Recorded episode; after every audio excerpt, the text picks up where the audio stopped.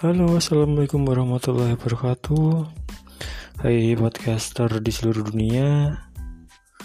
Perkenalkan nama saya Danang Bewaji, asal kota Jepara.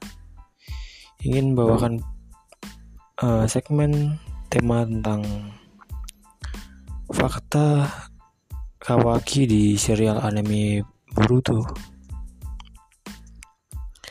Ya, seperti kita ketahui, Kawaki menjadi salah satu sosok misterius di Boruto sejak muncul perdana. Kawaki dicurigai membunuh Naruto di masa depan. Namun saat menjadi anak-anak, dia sosok yang baik. Meskipun di latar belakangi masa lalu yang pahit, benarkah Kawaki yang membunuh Naruto? Berikut ini adalah fakta tentang Kawaki yang selalu bikin penasaran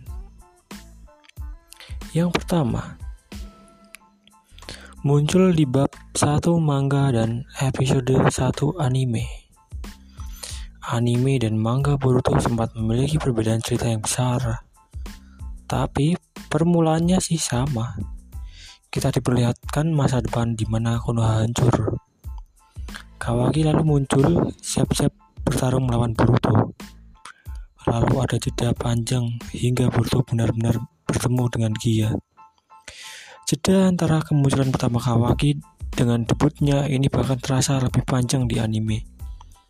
Di anime, tepat tiga tahun setelah kemunculannya di episode 1, Kawaki baru muncul lagi di video lagu Sambo Master. Itu pun dia belum muncul di ceritanya. Dua, ibunya tidak diketahui dan ayahnya pemabuk. Memasuki bab 24 Boruto, ada adegan Jigen membeli Kawaki yang tinggal bersama ayahnya. Sementara ibunya tak terlihat. Kawaki kerap menjadi korban ayahnya yang mabuk. Dia juga dalam menjual putranya menurut ayahnya. Kawaki adalah anak yang hampa dan hanya bagus untuk dipukuli.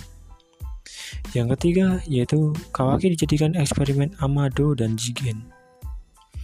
Hanya dia satu-satunya yang selamat setelah membeli Kawaki, Jigen lalu menjadikan anak itu eksperimen bersama bocah lain. Ujung-ujungnya hanya Kawaki yang selamat dari eksperimen. Kamu lihat plastik-plastik lain di gambar di atas.